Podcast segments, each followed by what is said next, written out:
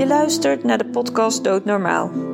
Ik ben Winnie Bos van Doula Wijzer en in deze podcast ga ik in gesprek met professionals die met de dood in aanraking komen en hoor je persoonlijke verhalen over het levenseinde.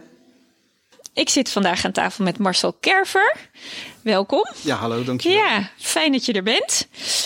Um, ja, hoe kennen wij elkaar eigenlijk? Jij bent mijn oude yogaleraar. Zo ken ik jou. Ja, ze hebben elkaar leren kennen. Ja, ze hebben elkaar leren kennen. Ik een yogales naar binnen lopen. Ik belde jou omdat jouw naam in, in, uh, in mij opkwam. En ik vertelde jou mijn verhaal. En ik zei, ja, het voelt heel erg dat ik met jou in gesprek mag. En toen zei jij, uh, ja, dat doe ik. En uh, ik ben dan altijd nieuwsgierig, waar komt die ja vandaan? Ja, dat is een goede...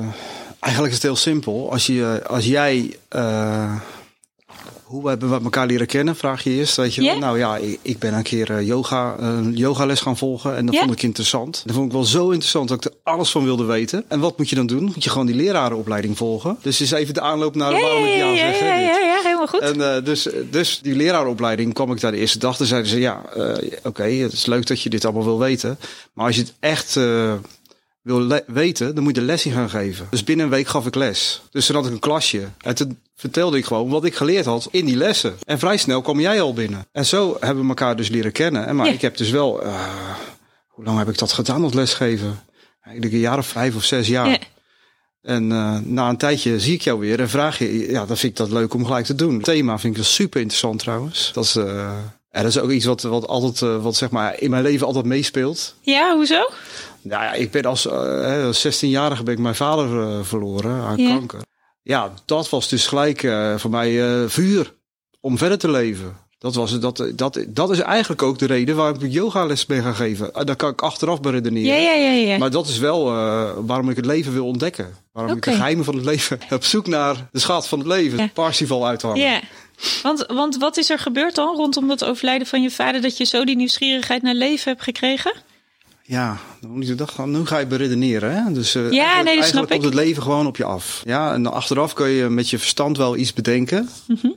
uh, ja, wat is er gebeurd dan? Ja, weet je, gewoon uh, lekker veilig opgroeien in een leuk dorpje. En met broertje en zusje. En alles was goed. En dan, dan gebeurt er ineens iets waardoor je vader ziek wordt. En dat, vind ik ook nog, dat was ook nog niet zo heel erg. Maar het moment van dat de, de, dag dat hij overlijdt was het uh, de schok van mijn leven. Een soort aardbeving die uh, heel heftig is. Dus dat is er dan gebeurd, zeg ja. maar. Dus, uh, Want is jouw, vader, ja, is jouw vader lang ziek geweest? Of heeft hij een, een, een heeft hij een ziekteproces? Of is het ja, een hele het is korte een periode? geweest. Oké. Ja. Ernstig, ernstig ziek als je het ook weer achteraf bekijkt. Want op het moment zelf heb ik dat niet zo als als uh, schokkend of, of erg ervaren. Wel, ik merkte wel dat de, de, hele wereld om ons heen dat heel erg vond. Want wat deden die dan? Dat, waardoor ja, je dat... Het, dat als je die ziekte hebt, dan is dat heel erg. mijn vader had dan last van zijn been. Zo is het dan begonnen. pijn in zijn been en fysiotherapie.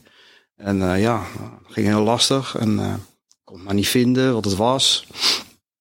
En in, in een avond brak hij zijn heup. En toen moest hij naar het ziekenhuis en wat hij gleed uit in de douche. Mm -hmm. En daar zijn ze erachter gekomen dat het botkanker was. Oh. Dus dat hele bot was al helemaal bros geworden. Oh, daardoor brak hij ook zijn... Ja, toen, ja, maar toen was het al uitgezaaid naar nieren. Ik was toen veertien, hè? Ja, ja, oh, dus het is echt dus, een proces uh, van twee jaar geweest. Moet, uh, ik moet dus heel lang geleden ook. Ja, want jij bent nu hoe oud? Even voor dat mensen zeggen, als jij zegt heel lang geleden. dat is dus langer als dat ik hem, ik heb hem zeg maar 14 jaar, 14 jaar gekend. En ik ben ja. nu 52. Ik ken hem langer niet als wel. Ja, precies. Dat is ook gek eigenlijk, ver, hè? Ver weg herinnering. Maar dat is eigenlijk ook gek als je dat zegt. Ik ken hem eigenlijk langer niet dan wel. Ja. Eigenlijk was er toen al duidelijk dat het overal zat.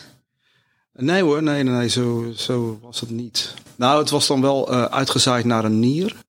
Ja, dus wat, hoe, het, hoe ik het herinner. En uh, die nier die moest weg, die moest eruit. Mm -hmm.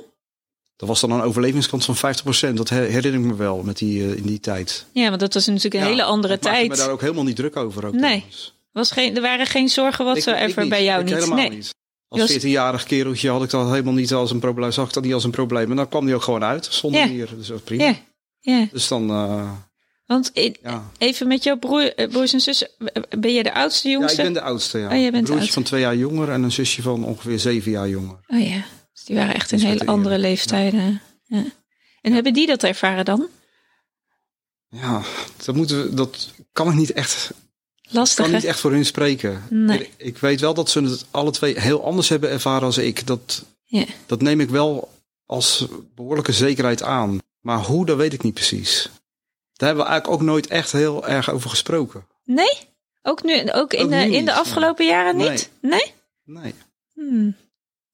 Het is geen taboe onderwerp, helemaal niet. Maar Nee. eh, dat, eh, dat gebeurt niet.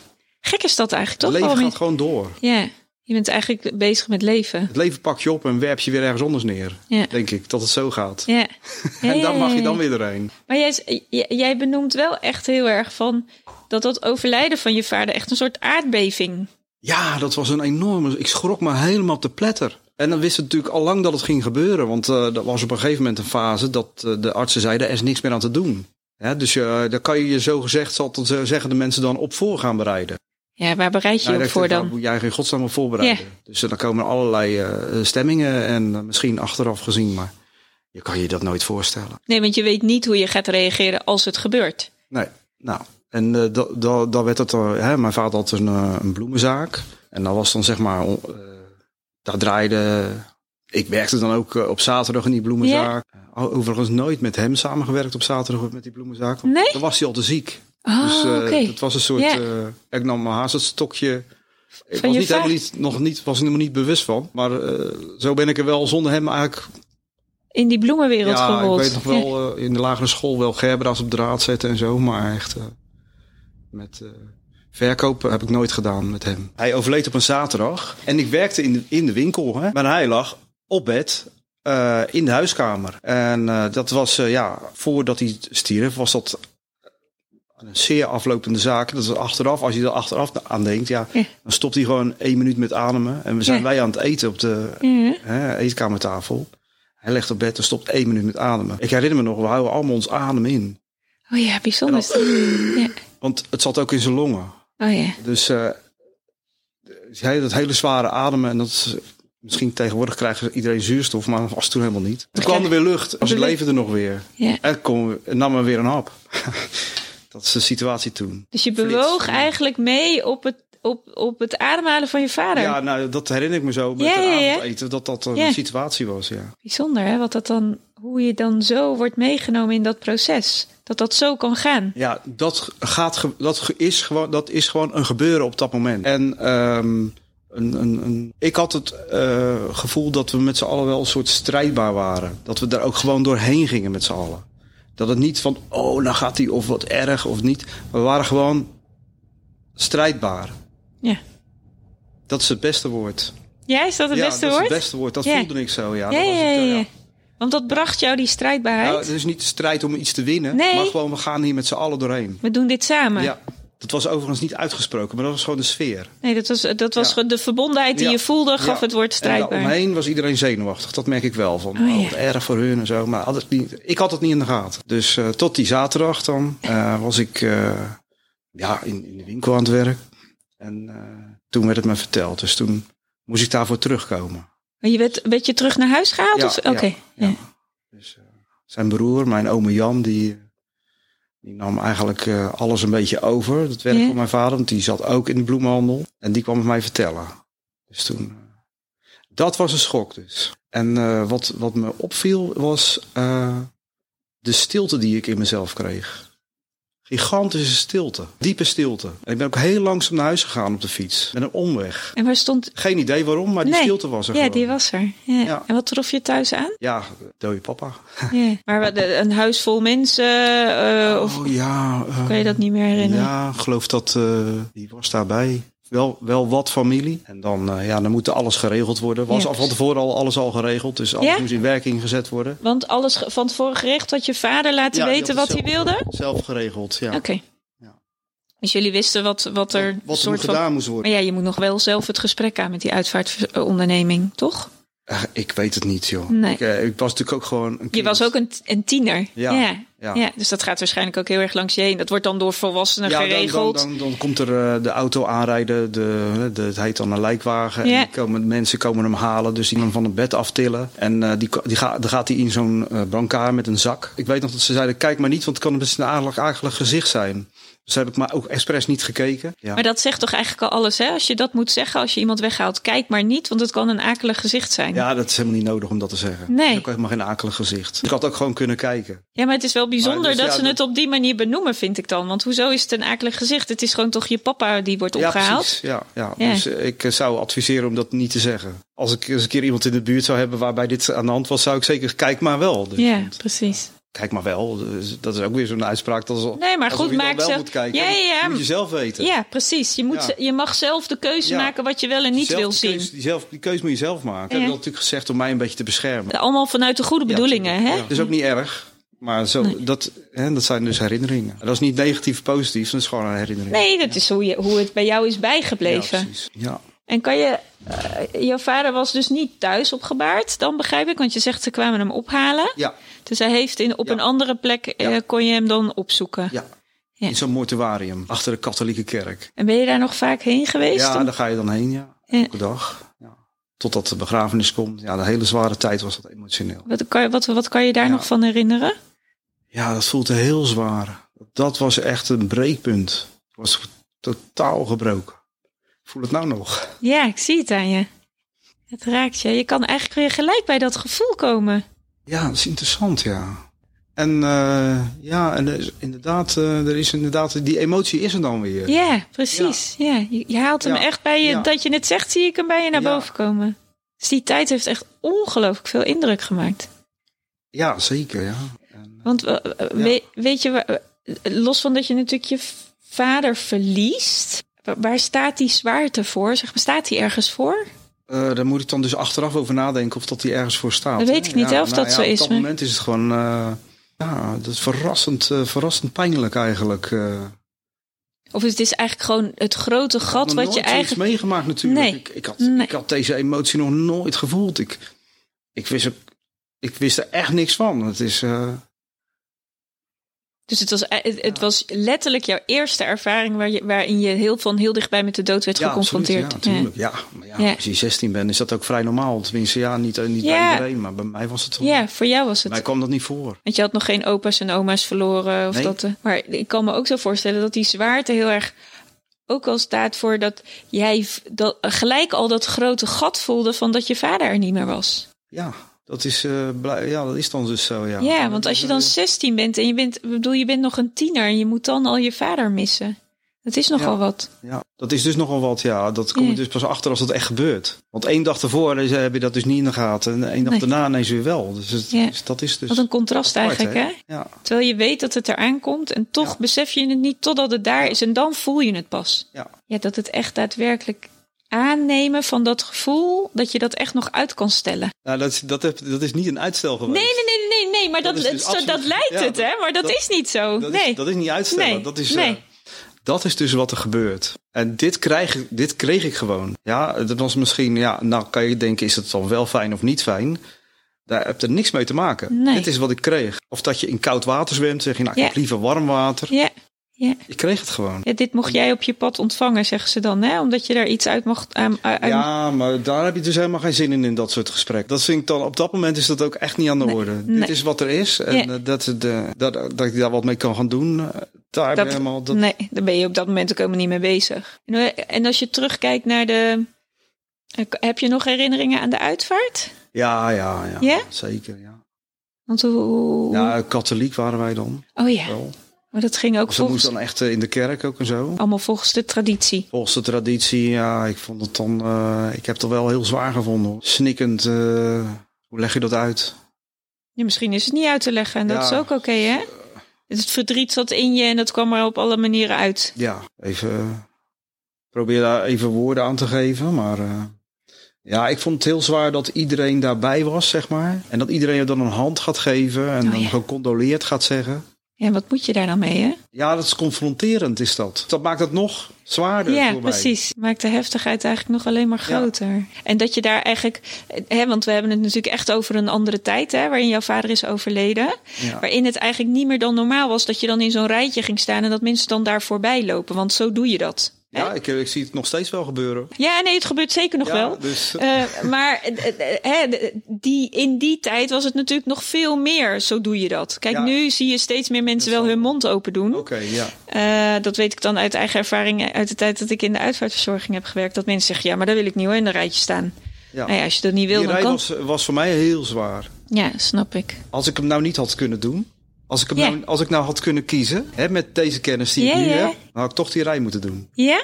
Ja. Want? Omdat het eh, je wel, eh, het maakt de zaak wel heel duidelijk. Nog duidelijker als dat het al duidelijk is. En dan Mhm. nog een keer, en dan nog een keer, en dan nog een keer, nog een keer. Ja. Ja. Ik moet denken aan een hele rare vergelijking. Als je in een te heet bad gaat zitten en je kan er niet uit. Je kan er echt niet uit. En je moet blijven zitten. Ik heb zo'n zweethut gedaan al. Ja, ja, oh ja. Dat is een half, dat- een half uur in de brandende hitte. En je kan er niet uit. En natuurlijk is het heet. Natuurlijk is het heet. En natuurlijk is het heet. Ja.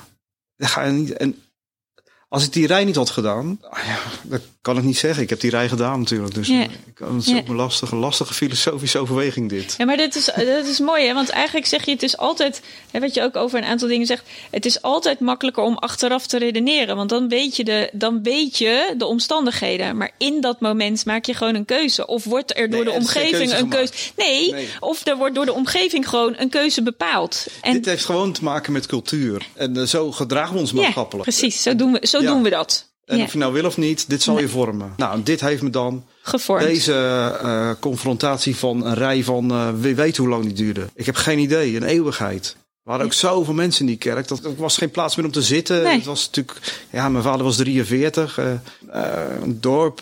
nou, was een, sociaal was hij volgens mij best Actief. een aardige man. Nou hij had een winkel. Ik bedoel, een Ja. bloemenwinkel. Waar natuurlijk Ja. ook veel mensen dan, als je in een, in een wat kleinere Exact, gemeenschap ja. woont, waar iedereen wel de man van de bloemenzaak kent. Dus van iedereen kreeg ik in die kerk een hand. Er waren wel misschien duizend mensen of zo. Ja, dat is wel eh, dat is een intens lange tijd dat je daar dan een hand staat te geven. Hey, en jij zegt dat heeft me gevormd. Wat, wat, wat bedoel je daar dan mee? Het heeft in ieder geval eh, de vraag eh, neergelegd van... heeft het allemaal nog wel zin zo? Hè, waarom, waarom, waarom? De waarom-vraag is natuurlijk gekomen. Mhm. Daar heb ik twee jaar lang een beetje mee geworsteld. Ik heb overigens wel heel lang last van gehad ook. Van, eh, ben je er al overheen? Vragen mensen wel eens trouwens, weet je wel. Oh ja? Ja, Oké. dat begint na een jaar. Die eerste vraag krijg je wel na een jaar. En, eh, maar daar heb ik dan dus zeg maar twee jaar lang heb ik wel over nagedacht. Van ja, wa- waar slaat het op, weet je wel, dit, eh, dit leven. Maar ja, als je, dan ben ik dus 18 onderhand. En eh, ja, dan komt, dan komt het leven op je af. Dan ben je dus jong en er staat alles voor je voeten. En ik kwam daar niet uit. Ik ga gooi maar weg. Want dit is, eh, mijn conclusie was, eh, er is misschien wel een, een uitleg voor. Maar die is wel zo veeldimensionaal dat in deze driedimensionale wereld het bijna niet te vatten is. Nee. Dat was zeg maar mijn nieuwe tijdsconclusie Ja, in die ja. tijd. Waardoor het leven maar opgepakt moest worden zoals het was. En wat, en wat hield het in? Het leven ja, dat oppakken hield zoals... in dat ik die bloemenzaak ging doen. Oh, oké. Dus je had ineens gewoon, je was ineens baas van een... Ja, van een bloemenzaak eigenlijk. Ja, kwam het wel op, op je achttiende. Ja, Pittig. ja, zeker. Ja. Ja, zeker. Je had pittig. ineens een zaak te runnen. Ja, ik had, mijn, ik had mijn rijbewijs, dus dan kon je naar de veiling, dan kan je inkopen. Oh ja. En had je dat wel eens eh, samen met je vader gedaan, dat nee, inkopen? ook niet, nee. Eh, Had je überhaupt iets van de zaak met je vader wel eens gedaan? Nee, nee, ja, wel, ja, wel eh, boeketjes maken en zo. ja, Dat- ja, ja, Maar niet het inkoopgedeelte en al dat soort En dingen. het Dat- verkoopgedeelte, maar Nee. het inkoopgedeelte, de, ja, dat kan ik wel achteraf zo, zo zien. Dat was dan wel, daar keek ik wel heel erg tegenop. Ja, dat, dat, dat, dat, dat- daar schepte hij altijd een beetje over op, op de, aan tafel, dat, hij, eh, dat het daar zo leuk was. En, Oh ja? Met die collega's Op daar. de veiling of op zo, de veiling. Ik weet ook niet precies meer wat er gezegd is, maar dus, de, ik kreeg daar wel, ik werd er wel, ik kreeg de indruk dat dat heel erg leuk was. Ook heel moeilijk. En dus je moest wel heel goed zijn. En eh, nou ja, dat maakt het natuurlijk wel interessant. Hoe vond jij dat? Want ja, ineens moest je naar die veiling om je inkoop te Ja, doen. dat deed, ik, eh, dat deed ik natuurlijk. En ik denk dat ik dat achteraf heb gedaan om mijn vader levend te houden. Hmm. denk dat dat wel echt de grootste drijfveer was. Want het was zijn winkel, dus eh, kwam mijn broertje kwam er ook snel bij. Dus, en mijn moeder bleef werken in de winkel. Oh ja, dus het was echt gewoon een familiebedrijf wat jullie met elkaar eh, ja, neerzetten. zonder papa, maar wel met Ja. de spirit van papa. Hoe lang hebben jullie dat met de spirit van papa gedaan? Het was eigenlijk meer een papa levend houden en het was onze spirit natuurlijk. Ja, Dat begrijp ik achteraf ook best wel. Het was onze kracht. Hè, met eh, de broer van mijn vader dan, eh, oma Jan, die, Ja. Die deed ook eh, wat hij kon. om jullie te ondersteunen, Ja. kan ik me zo voorstellen. Ja. Ja, dan komt alles op je af. Al die, eh, dan moet je heel snel, heel snel groot Ik, worden. ik wou net zeggen, Heel dan ben je in een rap tempo echt ongelooflijk snel volwassen. Ja, Is nou eigenlijk... ja, volwassen, dat, dat vind ik een moeilijk woord. Oké. Maar je komt wel allerlei problemen tegen die eh, waar je misschien nog niet helemaal klaar voor bent. Mhm. Maar daar was ik al niet op mijn zestiende toen er wat gebeurde, weet je wel. Dus dat was een soort, ja, waar- daar, daar ben ik nog niet, daar ben ik misschien te jong voor. Ja, wanneer ben je oud genoeg voor iets? Dit is gewoon wat er gebeurt. En, en hoe, lang hebben, eh, hoe lang hebben jullie die winkel nog gehad? Eh, ik was 27 of 28, toen zijn we ermee gestopt. Dat is nog bijna ruim tien jaar. eh. En uitgebreid naar eh, vier winkels. Oh, ook nog, oh jeetje. Ja. Het zo niet bij die één. worden. Oh, Oké. Dat was, was natuurlijk zo, maak hem zo groot mogelijk. Ja. Achteraf denk ik dat, hè? Ja. maar dit vind ik ook wel mooi, dat je dat achteraf kan zien, dat je dat gedaan hebt. Ja. Dat heeft ook schoonheid. Tenminste, het voelt voor mij ook heel erg als een soort dankjewel naar, je, naar papa. Dat je, die, dat je hem dus zag als een soort grootheid. Ja, misschien is dat helemaal het woord niet, maar dat is zo... Nee, nee hoor, dat zag ik niet zo. Ik zag hem niet als, als groter dan. Ik denk ook helemaal niet dat dat de bedoeling is. Om iemand groter te zien als iemand. Maar wel een soort trots of zo naar papa, toch? Van, om zoiets dan voor hem ook nog neer te zetten als je dat in de spirit van hem doet. Nee, het is ook geen trots geweest. Nee, het is gewoon... eh, misschien is het het vasthouden van... eh, ja, eh, misschien is het een soort van levend houden. Dat is het meer. Het is levend houden. Ja, dat is achteraf gaan analyseren. Hè? Ja, ja, ja, ja, ja. ja. En, eh, Ze zeggen altijd leven wordt voorwaarts geleefd en achterwaarts begrepen. Hè? Maar Ja. heel vaak is dat ook wel zo. eh. ja, dat, Ja. Is, dat is gewoon het levend houden Ja, ja, van iets. ja. En, en dus hoe groter het is, hoe meer leven je kan zien. Hey, en na tien jaar stopten jullie met die, eh, met die bloemenzaak? Ja, Had dat, een, had dat een reden waarom jullie stopten? ja dan moet ik ook weer terugkijken hoe dat dan achteraf Ja, ja, ja. was. Ik deed het samen met Erik, hè, mijn broertje Ja. eigenlijk. En eh, eh, hij kreeg een relatie. Ik kreeg ook een relatie. Hij ging trouwen, ik ging trouwen. En op een of andere manier was het op. Het was het eruit. Het was de spirit eruit. Dan zeg ik het heel makkelijk. Ja, ja, Maar dat ging met een beetje pijn, ging dat. Erik ging er eerder mee stoppen. Mhm. En eh, later heb ik ook alles weggedaan. Da- Het ging niet meer met samen met een. eh, het, het was op een of andere manier was het op. Ik kan wel zeggen, ja, het komt omdat eh, we allebei gingen trouwen en kinderen krijgen. Ja, dat is natuurlijk een stomme reden. De chemie was eruit. Ja, maar dat kan ik me ook wel voorstellen. Want als je dat ook zo met je gezin en met je mensen die je heel erg goed kent doet, dan zet je ook iets met elkaar neer wat, wat, wat, wat een chemie heeft. Ja, het Ja. was, nou ja, het was gelukkig was het op. Want Ja. stel je voor dat ik door was gegaan. Nou, nee, ik ben blij dat ik gestopt ben toen. Ja. En, en, en da- daar hebben we dan zeg maar misschien wel eh, geleerd in, in al die jaren dat ik te jong was om dingen mee te maken. Mhm. Dat eh, loslaten op het goede moment, als het zo voelt, dan doen we dat gewoon. Precies. We, we hebben geleerd om het te beslissen. En om eh, zomaar weer in een nieuw avontuur te springen. Zonder dat je weet wat er gebeurt. En wat, in wat voor nieuw avontuur sprong je nadat eh, je de winkel stopte? Jeetje, 27. Mijn god, dat wordt een heel levensverhaal. Oh ja, toen eh, dacht ik, nou ja, dan ga ik gewoon voor een baas werken. Dat was ook veel beter toen met Ja, ja. mijn huwelijk toen. En eh, die, die vond het veel prettiger als ik dan eh, ook op eh, regelmatige tijden thuis was. En dat heb ik dan geloof ik een jaar gedaan. Dat blijkt dan niet zo goed te gaan. Maar dat is ook niet zo gek als je al tien jaar je eigen baas bent Nou ja, geweest. dat en dan heb dus je. helemaal niet. Nee, dan heb je, je bent zo gewend om je eigen regie over je leven te hebben. Ook al is dat dan misschien een combinatie van werk en. Oh ja, en toen, en toen eh, ben ik dus eh, inkoper geworden. Want dat was natuurlijk het ding van, van mijn vader. Ja. Daar was ik natuurlijk nog steeds door geïnspireerd. En toen werd ik inkoper bij een grote exporteur in Aalsmeer. De tulpeninkoper was ik. Ja, dat heb ik dan nog gedaan. Ook nog weer gewoon dus geïnspireerd op je Ja, vader. maar zo ja. werkt het bijna bij Ja. iedereen, denk ik. Ja, want uiteindelijk leeft je vader in jou voort tot op de dag van vandaag. Ja, en tot uiteraard. iedere dag die je nog in de toekomst hebt. Ja, zeker. Want iemand is dan wel fysiek weg, maar hij, jij bent ook een deel van hem. Ja, dus dat heb ik dan ook nog helemaal doorleefd. Ja. Daar heb ik dan nog eh, nou, heel wat jaren in Aalsmeer eh, Ja, ja. gewerkt. Oké, dus eh, dat was de spirit eh, van papa nog steeds bij me. En die is natuurlijk nu nog steeds bij me. Maar eh, ik eh, ga nu wel... eh, ik probeer het vooral bij mezelf te houden. Met papa erbij natuurlijk. Maar ik, eh, hè, dat, al dat werk op die, met die bloemen, dat, is best, eh, dat kost best veel tijd. En dat is dan jammer. Want? Ja, dat is echt wel heel hard werken. Dus je Ja, hoezo wel- is dat heel hard werken? Ik heb er geen, geen idee van die het wereld. Ja, bloemen, ja. hè, en Oh. anderen doen het misschien weer anders. Ja, maar ja, ja. eh, Het is best wel veel werk in die bloemen. En de, nou, de laatste stukje met eh, als, als inkoper, tulpeninkoper, was het echt. eh, ja, dat was dan wel eh, 's morgens om vier uur op de veiling. Oh, dat zijn, oh, dat zijn Ja, ook en geen dan, christelijke eh, tijden. In Berkel woont en je moet naar Alsmeer, dan sta je drie uur op. En dat is dan in, wel in het hoogseizoen. Met al die inkoop ben je dus echt wel pas eh, ja, om zes uur thuis. Oh, dat zijn wel Dus pittige, zijn wel pittige, werkdagen. hele werkdagen. En, en dat kost dus heel veel tijd. Waardoor je alleen maar met dat bezig bent. Dus ze heeft Dat is eigenlijk... niet erg, maar Nee. nee, want je vond het leuk. Neem ik aan. nou, het was meer een prestigeproject. Ja, toch wel? Ja, dat is absoluut. Wat had je te bewijzen dan? Ja. Want zo klinkt het een Vraag je beetje. je af, ja. Hè? Dat vraag je af. Wat heb je te bewijzen dan? Ja, als je zegt Ja, prestige. Ja, mannen willen succesvol zijn. En dan word je geleerd in de wereld hoe dat dan moet. Oké. En eh, geïnspireerd door eh, ja, dat inkopen, dat is heel belangrijk. En dat is ontzettend leuk om te doen. Probeer daar maar succesvol in te worden. En zo doe je dat dan. En je dat is de matrix waar we in zitten. Ja, ja, ja. Dat is, de, ma ja, dat is Ja. de maatschappij die dat soort van zegt van zo, zo, zo doe je dat. Ja, die zeggen dat niet, maar Nee. dat komt dan in je op. Ja. Ja, niemand heeft het ooit gezegd tegen me. Nee. Dus, eh, maar dat, zo komt het. En zo En eh, bijzonder is dat, hè? En, probeer je toch, te handhaven in deze wereld. en we- werd je succesvol? Nou ja, goed. Ja, eh, ik deed het oké, weet je wel. Dus is dat succesvol is, ja. Voor jou was het goed genoeg. Ja, voor mij was het eh, goed genoeg, ja.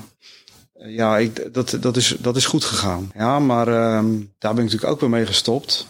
Wat een ellende allemaal zeg. Nee, is helemaal Ja, geen ellende. eh, dat komt dan weer door een scheiding. En eh, ehm, ook zoveel, ik denk ja, ook weer zoveel werk. Natuurlijk ging niet, het is gestopt. Eh, ik denk, weet je wat ik moet doen? Ik moet helemaal stoppen met het harde werken. Ik moet maar eens gewoon ga- gaan nadenken van wat, wat is er nu...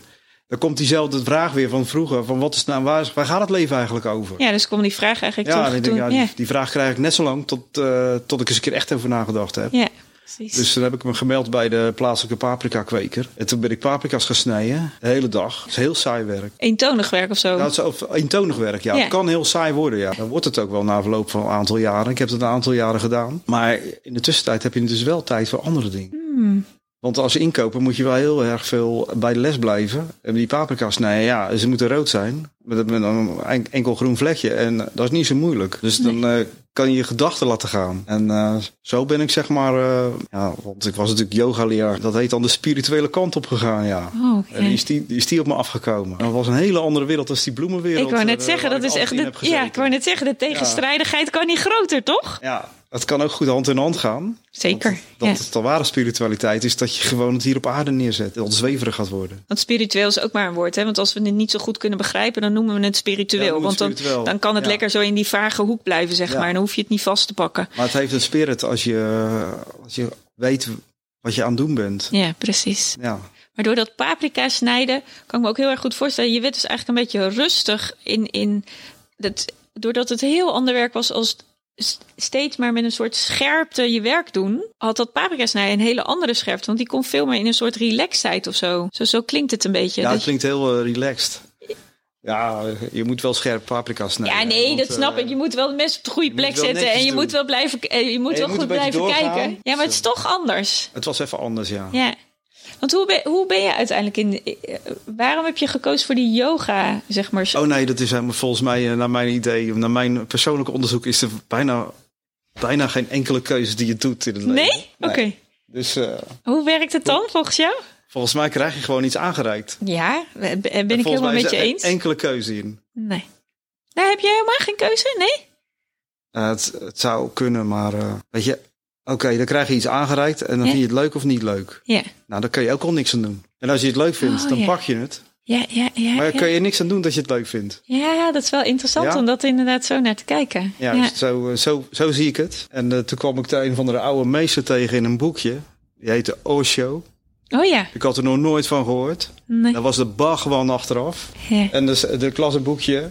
En die, in dat boekje eh, ging over eh, tantra. En ik was het zo met hem eens. Dat was, dat was ongelooflijk. Ik was zo met hem eens. Toen ging er voor mij dus een nieuwe, eh, Weer- een nieuwe ja. episode beginnen. Want toen- dan, Ja. toen ging ik overal op letten wat hij schreef in het boek over, eh, Ja. over heelheid. En, en eh, zijn uh, filosofische bekijk erop. Ja.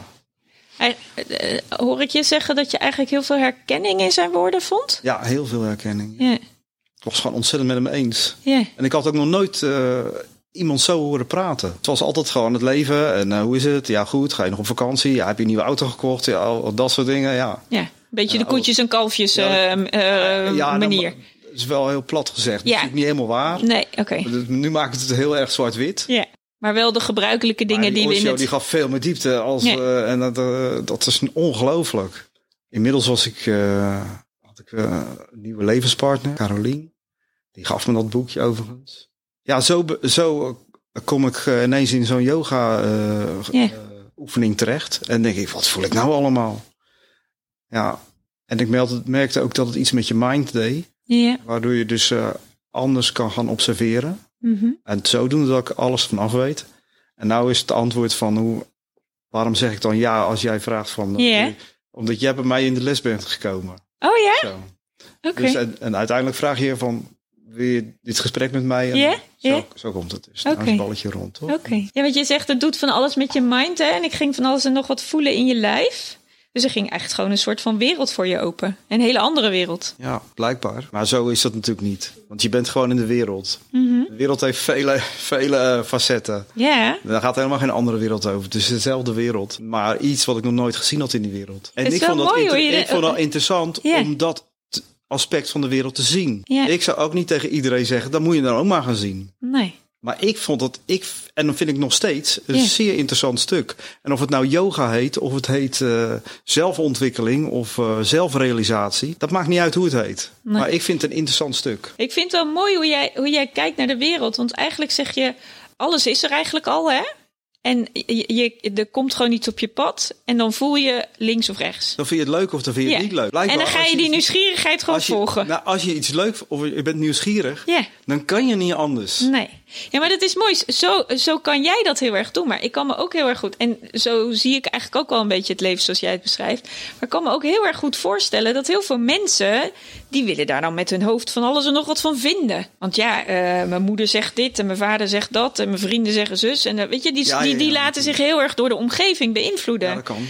Maar wat ik jou heel erg hoor zeggen is van ja, het, komt, het ligt gewoon voor me. En ik kijk het aan en ik voel het. En dan denk ik, oké, nou dan ga ik dus zo. Dan ga ik ja, daarheen. aspect omgeving heb je er ook bij. Ja. Dus dat Ja. kan gebeuren dat, eh, dat je beïnvloed raakt door de Ja. omgeving. Dat, is, eh, dat zou kunnen. Maar ja, jij zegt eigenlijk door wat er, wat er gebeurd is met het overlijden van je vader, dat jij, je hebt wel echt een enorme nieuwsgierigheid naar het leven gekregen. Dat is goed vertaald zeg. Dus door die dood heb ik eigenlijk veel meer interesse naar in het leven. En dat is zo gaaf. Want het heeft je ongelooflijk veel mooie dingen gebracht tot nu toe al. Ja. En er ligt nog een heel leven Ja. voor je, maar tot nu toe heeft het al dat onwijs heeft, veel dat mooie heeft dingen. me dus inderdaad precies dat gebracht. Van als het voor je voeten ligt, dan, dan weet ik nu ook dat het gewoon maar op, op, op moet pakken. Het moet helemaal niet. Maar als je het graag wil oppakken, pak het dan ook op. En dan kan je gaan analyseren en de omgeving laten beïnvloeden. Maar dat is nou handig als een keer yoga hebt gedaan, een tijdje. En die opleiding die ik allemaal heb gedaan. Dan heb je de negatieve mind en de positieve mind. Zonder het te analyseren kan je dat allemaal even ervaren. En dan kan je ook, punt, dat is wat yoga je kan geven. Bij mij dan wel in ieder geval. Een neutrale mind kan geven. Dat noemen we daar in die kundalini yoga, noemen dat shunya. Daar is de wereld toch wel een beetje anders. En wat is er anders aan? Dat is niet uit te leggen. Dat is een ervaring volgens Ja. mij, hè?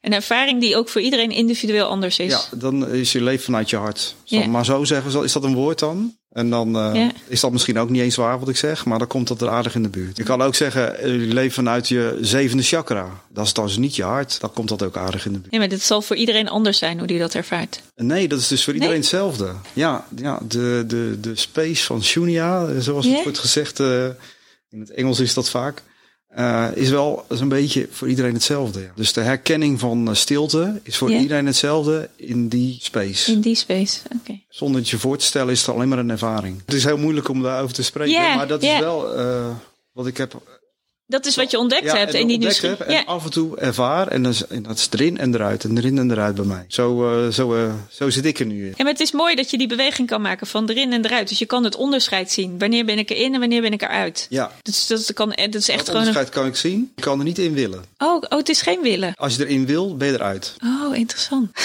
Hè, hoe werkt dat? dan? Hè? Hoe, werkt dat? hoe werkt dat dan? Je kan, je kan het, als je het wil, ben je eruit. Ja, dan ben je eruit. Want dan zit je in je willen. Dan zit je in je hoofd.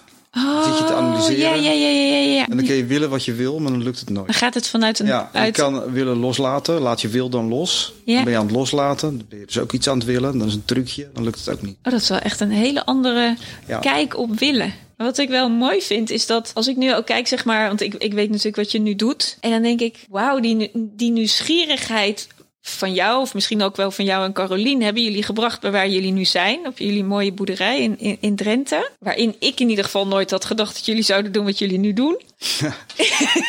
Hadden jullie dat zelf gedacht? Nou ja, er was een keer een plan en dat is nu uitgekomen. Dus ja, dan heb je het van tevoren wel bedacht. Ja, maar hadden jullie het plan om. Ja, de plan van de boerderij was er. Die, die, ken, die kende ik van jullie. Maar hadden jullie ook echt daadwerkelijk het plan om dan jam en confitures en zo te gaan maken? Was dat het plan? Oh nee, nee, nee, dat niet. nee. Nee. Maar we hebben, ik wel een hele leuke film gezien. Die wel een inspiratiemoment was. Oh. Ja, dan gaan we terug aan. Ja, ja, ja, ja, ja, ja. Want je hebt de film Chocola.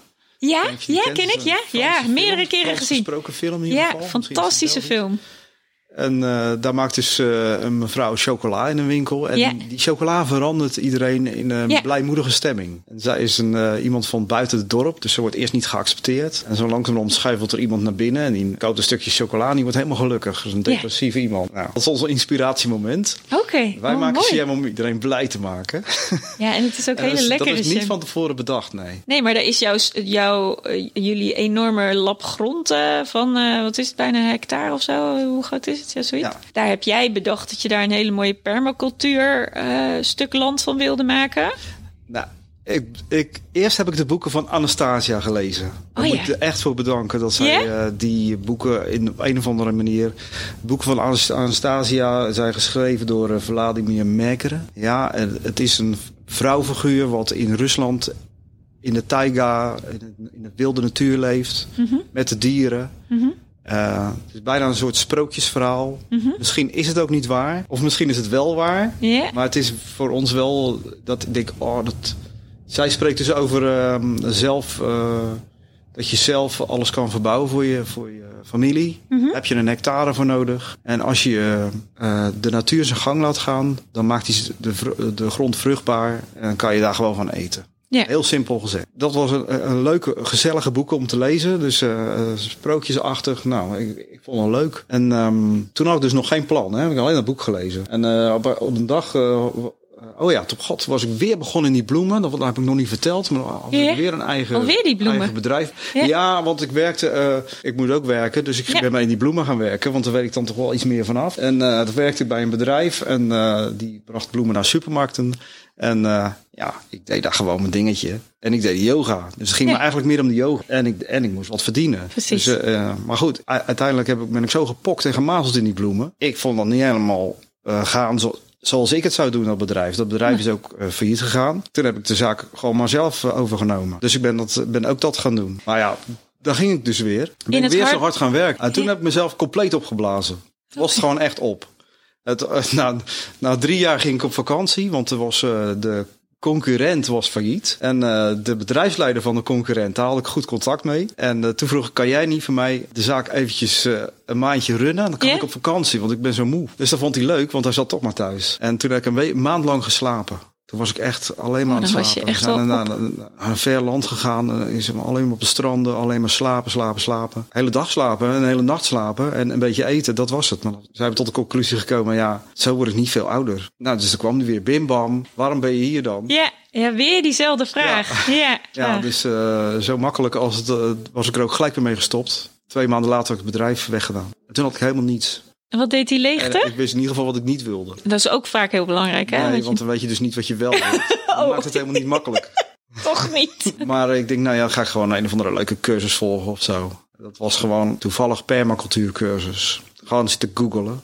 Mhm. Permacultuur is gewoon een manier van landbouw, permanente landbouw. Dus een jaaropleiding, dat was leuk. Toen ga ik eens een jaar zo'n opleiding doen en dan zie ik het wel. En daar werd, werd verteld wat er misgaat in de landbouw op dit moment. Zo net Ja. na de Tweede Wereldoorlog is er Ja. een enorme industrie opgekomen. En hoe wij eh, de aarde een beetje zijn aan het verknoeien zijn op die manier. En eigenlijk ook eh, ten koste van de gezondheid van mensen ook. Want die knoeien het land, maar verknoeien ook gelijk de lichamen. Ja. Mensen die het eten. En dat het helemaal niet nodig is. Nee, want als je de natuur zijn werk laat gaan, Nou ja, dat is heel makkelijk gezegd, maar... ja, eh, zo simpel is het niet. Want dan- vaak is het het grond waar je, waar je dan op begint. Dus dan heeft natuurlijk al jaren nou, achterstand. allerlei details, maar Ja. eh, Ja. het, kan mak het, kan, het kan beter. Het Ja. hoeft echt niet vergiftigd te worden allemaal. Dus ik denk, ah, dat wil ik ook. De vraag was van, wat wil je nu eigenlijk dus? Toen zei ik, nou, als ik iets, iets leuks mocht denken...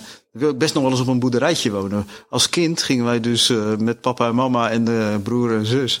gingen wij naar Drenthe op vakantie, naar Koekangen. En dan mochten we bij de boer mochten we daar eh, een beetje meedoen. Toen was ik tussen de tien en de twaalf. Koeien melken, s morgens om vijf uur. En hooien en allemaal leuke dingen. En ik denk, nou, wil ik ook wel eens een keer op zo'n boerderijtje wonen. Dus eh, dan gaan we dat doen.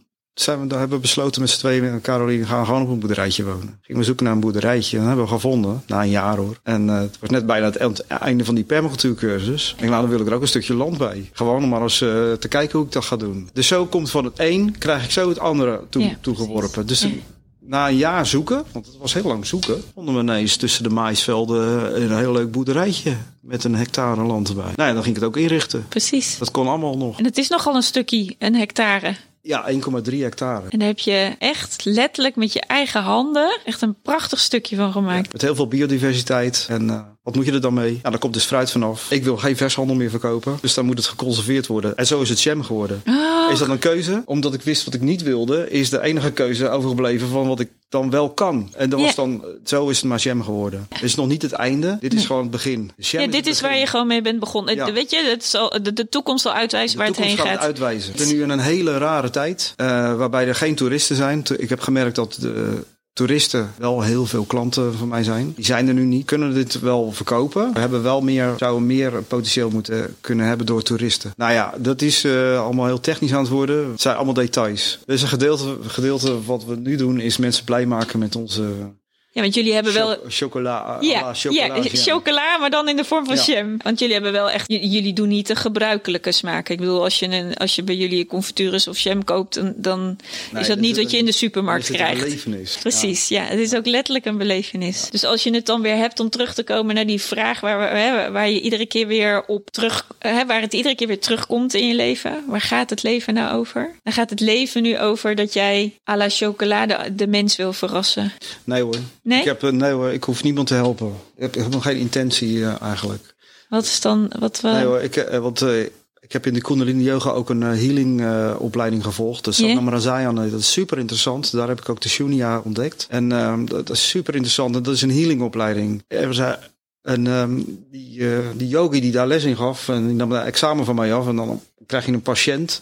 Dan moet je examen doen en een patiënt die heeft hoofdpijn. Die heeft echt Mhm. hoofdpijn. En eh, je hebt de hele techniek geleerd. De techniek is om via meditatie iemand te genezen. Mhm. Nou, hij zegt, ga maar zitten en eh, doen maar je ding. Dus oké, zegt hij, na 10 seconden. En hoe is het met je hoofdpijn? Weg. Oké, geslaagd, zegt hij. Maar dan is er het volgende level, hè, wat je doet. Ik zeg, ja, ik, ik weet niet of ik hiermee door moet gaan. eh dit heb ik geen zin in. Om Nee. mensen van hun hoofdpijn af te halen. Of, of welke ziekte dan ook. Het is vreemd, hè? Want eh, mijn vader is dus overleden, overleden aan de ziekte. En ik had dus Ja. geen... Ik heb, er echt, ik heb, heb je er wel zin in of geen zin in? Dan zei ik, van, ja, kan je niks aan doen. En hij moest dan ontzettend lachen. Hij kwam er niet meer bij van het lachen. Ik zeg, wat, valt het dan te lachen? Hij zegt, jij moet doorgaan. Ik zeg, "Waar- waarom dan? Hij zegt, omdat je die techniek wil leren. Oké. En je zal niet rusten voordat je het weet. Ik zeg, oh ja, dat was ik helemaal vergeten. Daarom ben ik dat gaan doen ook, die de, de, deze opleiding in de yoga, die specialisatie. Ja, ja dus ik heb, eh, ik, ik heb echt geen zin om mensen te genezen. Eh, ik heb zo'n theoretische stelling ontwikkeld in mijn hoofd. Ik weet niet of dat waarheid is. Dat je dan wel hoofdpijn kan hebben, moet je zelf maar oplossen. Die hoofdpijn heb jij. Mhm. En wie weet waar die, waarom je die hebt gekregen, los dat zelf eens op. Mhm. is niet helemaal eerlijk natuurlijk, want als iemand om hulp vraagt, moet je het geven.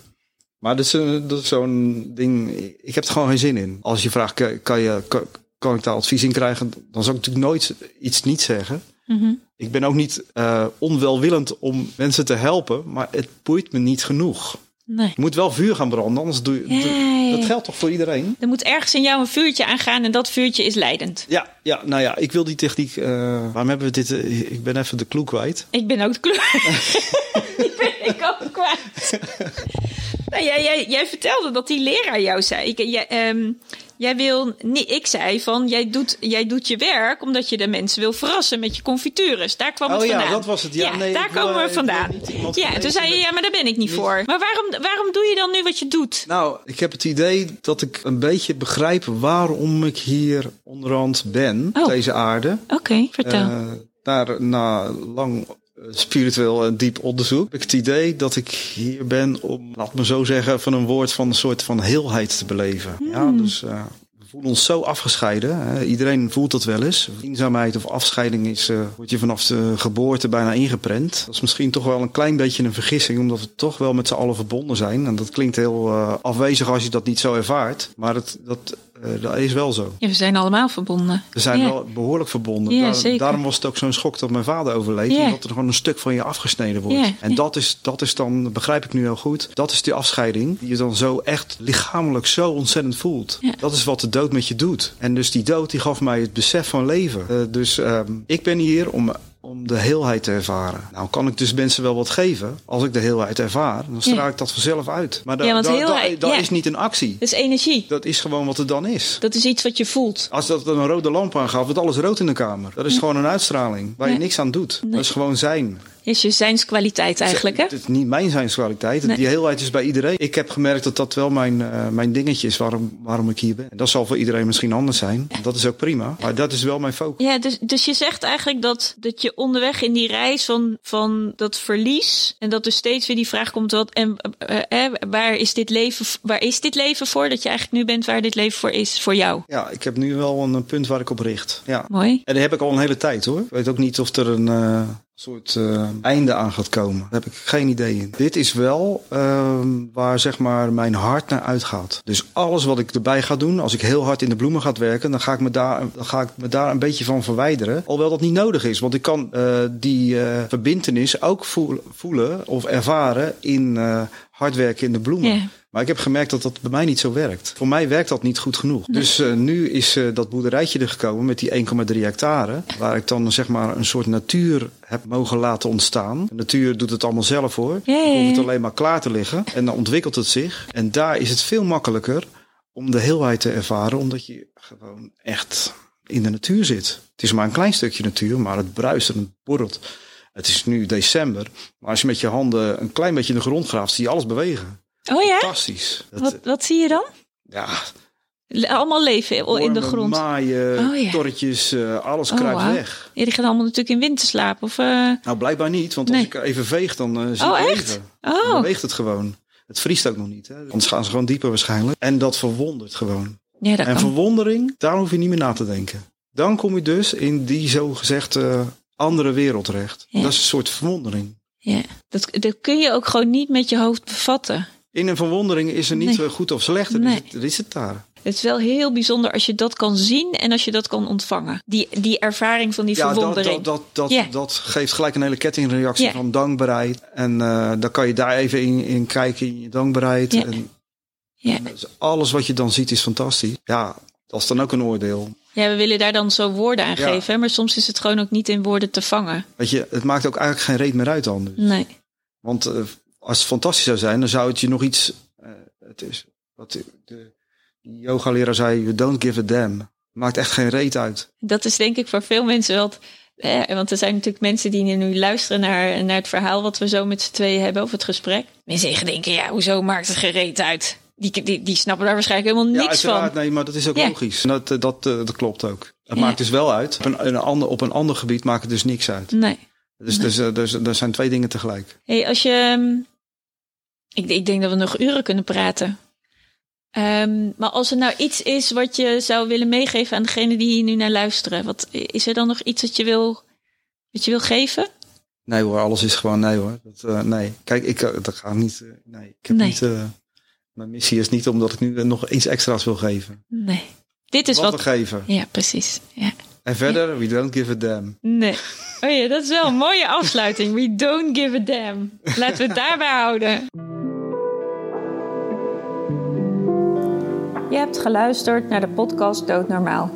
Mijn missie is om het levenseinde doodnormaal te maken. Elke vrijdag staat een nieuwe podcast voor je klaar. Volgende week praat ik met Raju Dragsma over hoe het is om te weten dat de dood nabij is.